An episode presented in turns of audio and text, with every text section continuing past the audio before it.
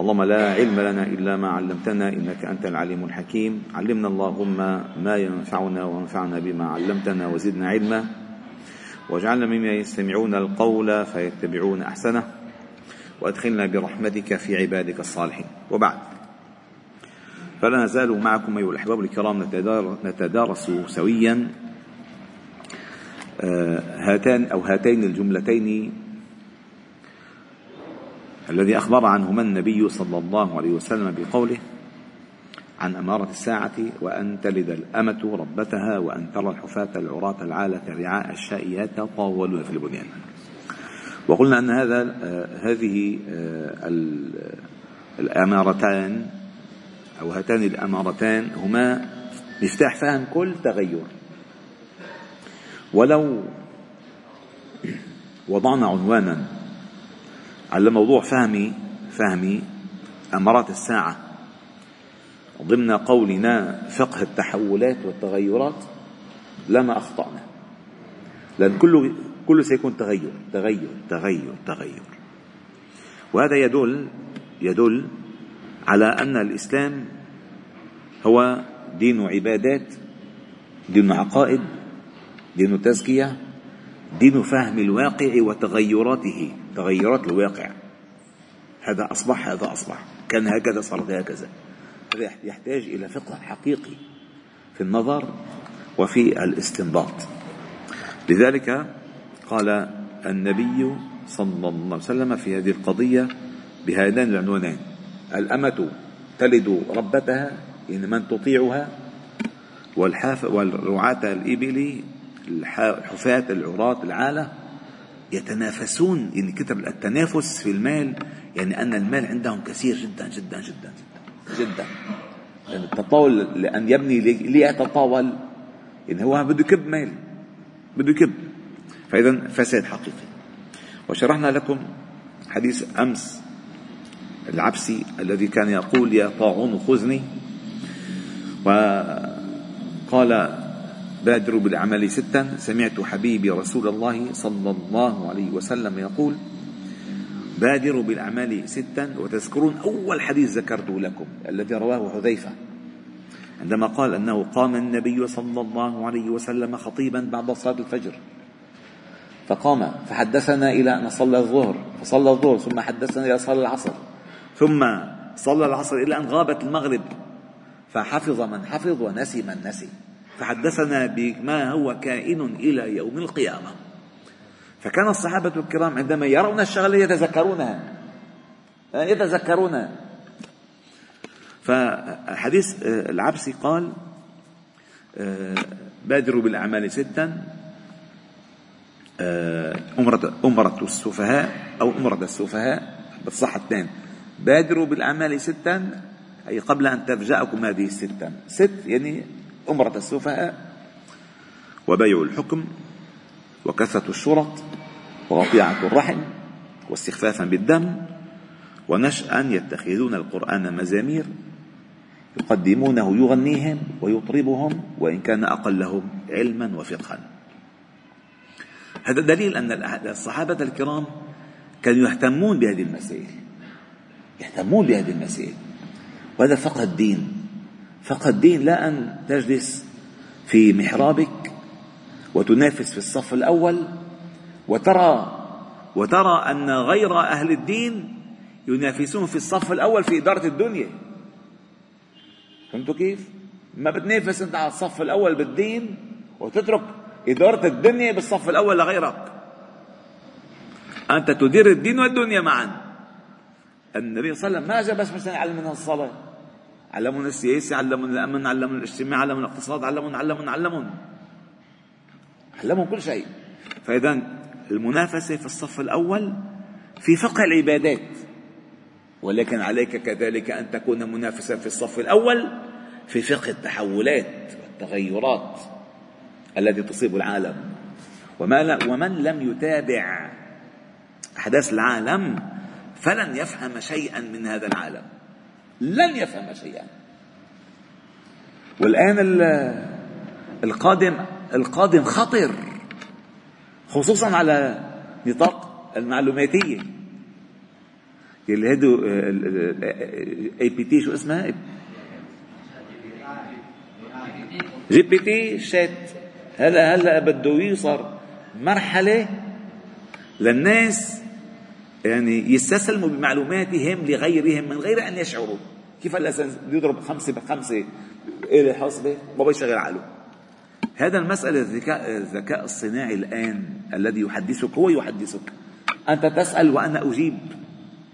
والأصل نحن عندنا فاسألوا أهل الذكر إن كنتم لا إن كنتم لا تعلمون. والذكر مقل فاسألوا أهل المعلومات. ما كل واحد معه داتا كاملة يسأل. ما الأصل أن يكون عنده داتا كاملة؟ الأصل أن تسأل ما ينفعك ويجيبك إلى ما ينفعك. فهمتوا كيف؟ هلا الآن ذللت المعلومات. أي شيء تريد أن تسأل إذا الدكتور بدل عم يعمل خطة بحث شهر أنت تريد أن تضع خطة بحث بتقول له بر فترة شو؟ دقائق. تكون خالصة القضية كلها. كلها. هو شيء لا نعرفه. شيء مجمع لأن حاشدين كل شيء فيه داتا بيعرفوها. وصين الشكل تقنية إذا ما لم تفهم العالم لن تكون جزءا من هذا العالم. والله تعالى يقول في كتابه وما أرسلنا من رسول إلا بلسان قومه ليبين لهم. فما لم تفهم لسان قومك لن تستطيع أن تبين الحق لهم. هذا شيء كثير مهم. ما لم تفهم لسان قومك لسان قومك أي المتحدث المتداول به بين الناس. متداول به ما لم تفهم لسان الناس؟ أي ما الذي يتداولون به يفكرون به؟ لن تستطيع أن تبين الحق للناس. وصحيح العزلة مهمة العزلة مهمة ولكن العزلة للضعفاء. العزلة للضعفاء وليس للأقوياء. أما المؤمن القوي هو الذي يمشي بهذا الحق بين الناس. هو الذي آه، آه، إذا مر باللغو مر كراما يعني اللغو مرر فيه مرق مرق عاش الموضوع. لأن الهروب ليس ليس شجاعة وليس قوة. أما بيان الحق وإلا كبار كبار الأنبياء آه، قتلوا شهداء في بيانهم الحق والصحابة الكرام. كذلك الأمر. والنبي صلى الله عليه وسلم قال أوذيت في الله ولم يؤذى أحد مثلي في بيان الحق ما خرج من مكة أخرجه قومه. إذا ما لم تفهم لسان القوم لن تستطيع أن تبين لهم ما أراده الله تعالى منهم وما أرسلنا من رسول إلا بلسان قومه ليبين لهم. لذلك هلا مثلا إذا بتقول لك كيف مشى هذا الزلمة كل العالم؟ بيقول لك عم يحكي على لغتهم. مشيهم. بيعرف يخاطبهم. إذا عرفت مخاطبة الناس بالحق عندها عندها يبين لهم الحق. أما الفرار من ساحة المعركة هذا فشل خصوصا في هذه الأيام. هذه الأيام صدقوني يحتاج آه، منا إلى ضعف مضاعف يعني إلى جهد مضاعف ولا مواجهة وليس فيها تلكؤ. على كل المستويات. وإلا المؤمن إذا ما عنده ما عنده آه، فهم للعالم ما كيف تكون خير أمة أخرجت للناس؟ كيف أخرجت للناس أنت قاعد بالكهف؟ كيف؟ ما أخرجت للناس.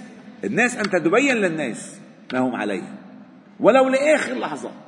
لذلك النبي صلى الله عليه وسلم قال خير الشهداء. من خير الشهداء؟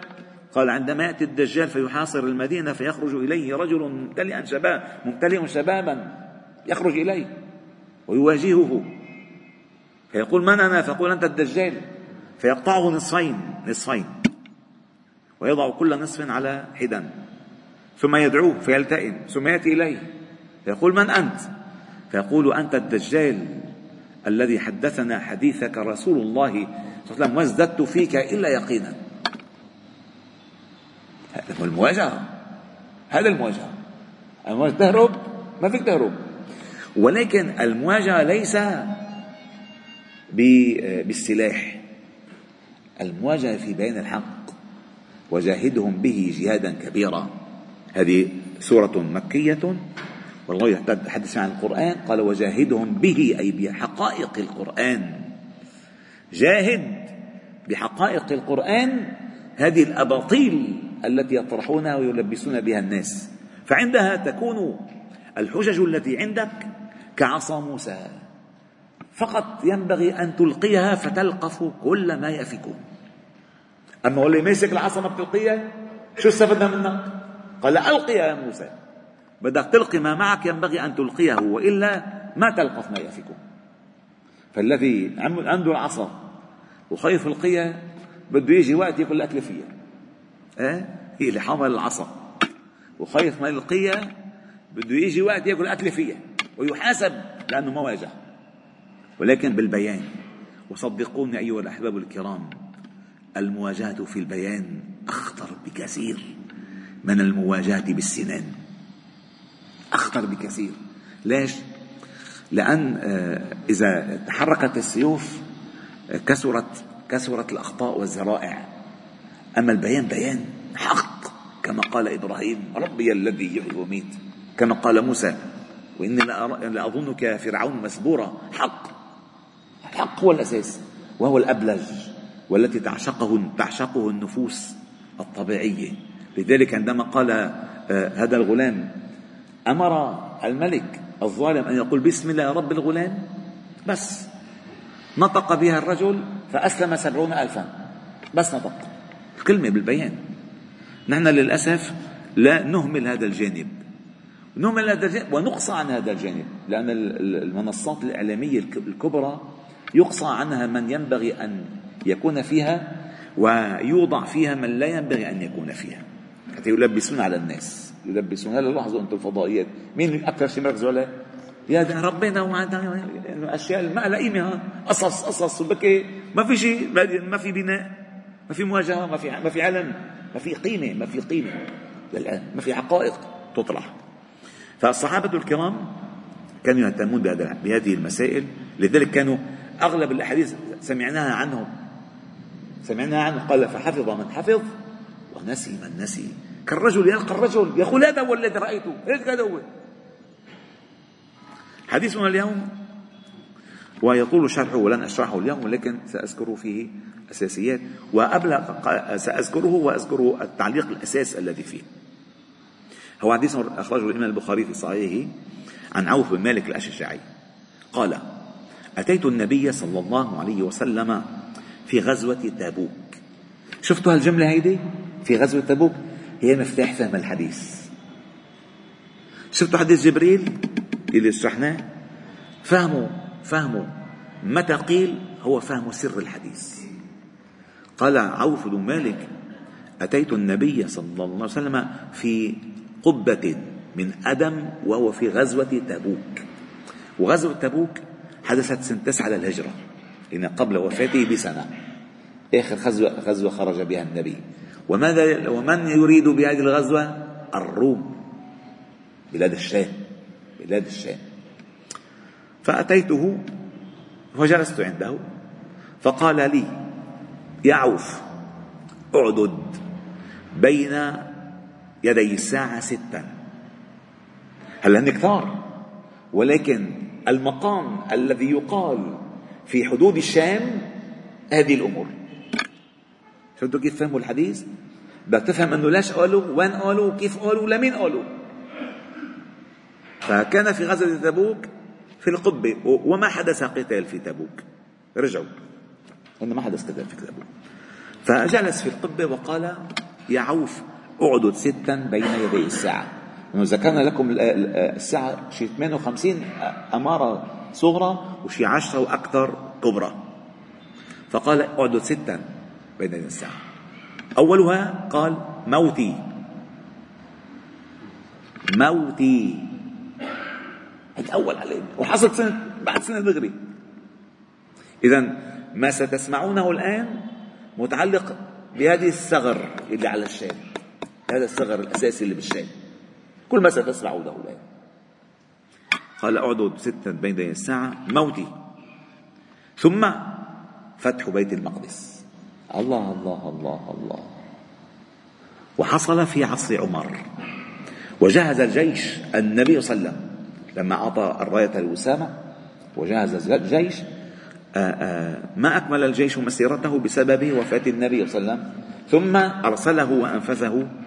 أبو بكر الصديق وقال كيف أفك راية عقدها النبي صلى الله عليه وسلم؟ كيف أحل هذه الراية؟ وتتابعت الفتوحات حتى شرف الله هذه الأمة بعمر داخلا إلى بيت المقدس مستلما مفاتيحها من الأب الصفريانوس والذي يرونه في كتبهم أنه سيستلمها رجل يمشي في الطين. لأنه دخل بيت المقدس يمشي في الطين. فإذا هذه العلامة الثانية آه، فتح بيت المقدس. ثم قال ثم موتان. يأخذ فيكم كقعاص الغنم. وهو ما حدث في الشام في طعام الشام أمواس المشهور. لا نزال بالشام. موتان.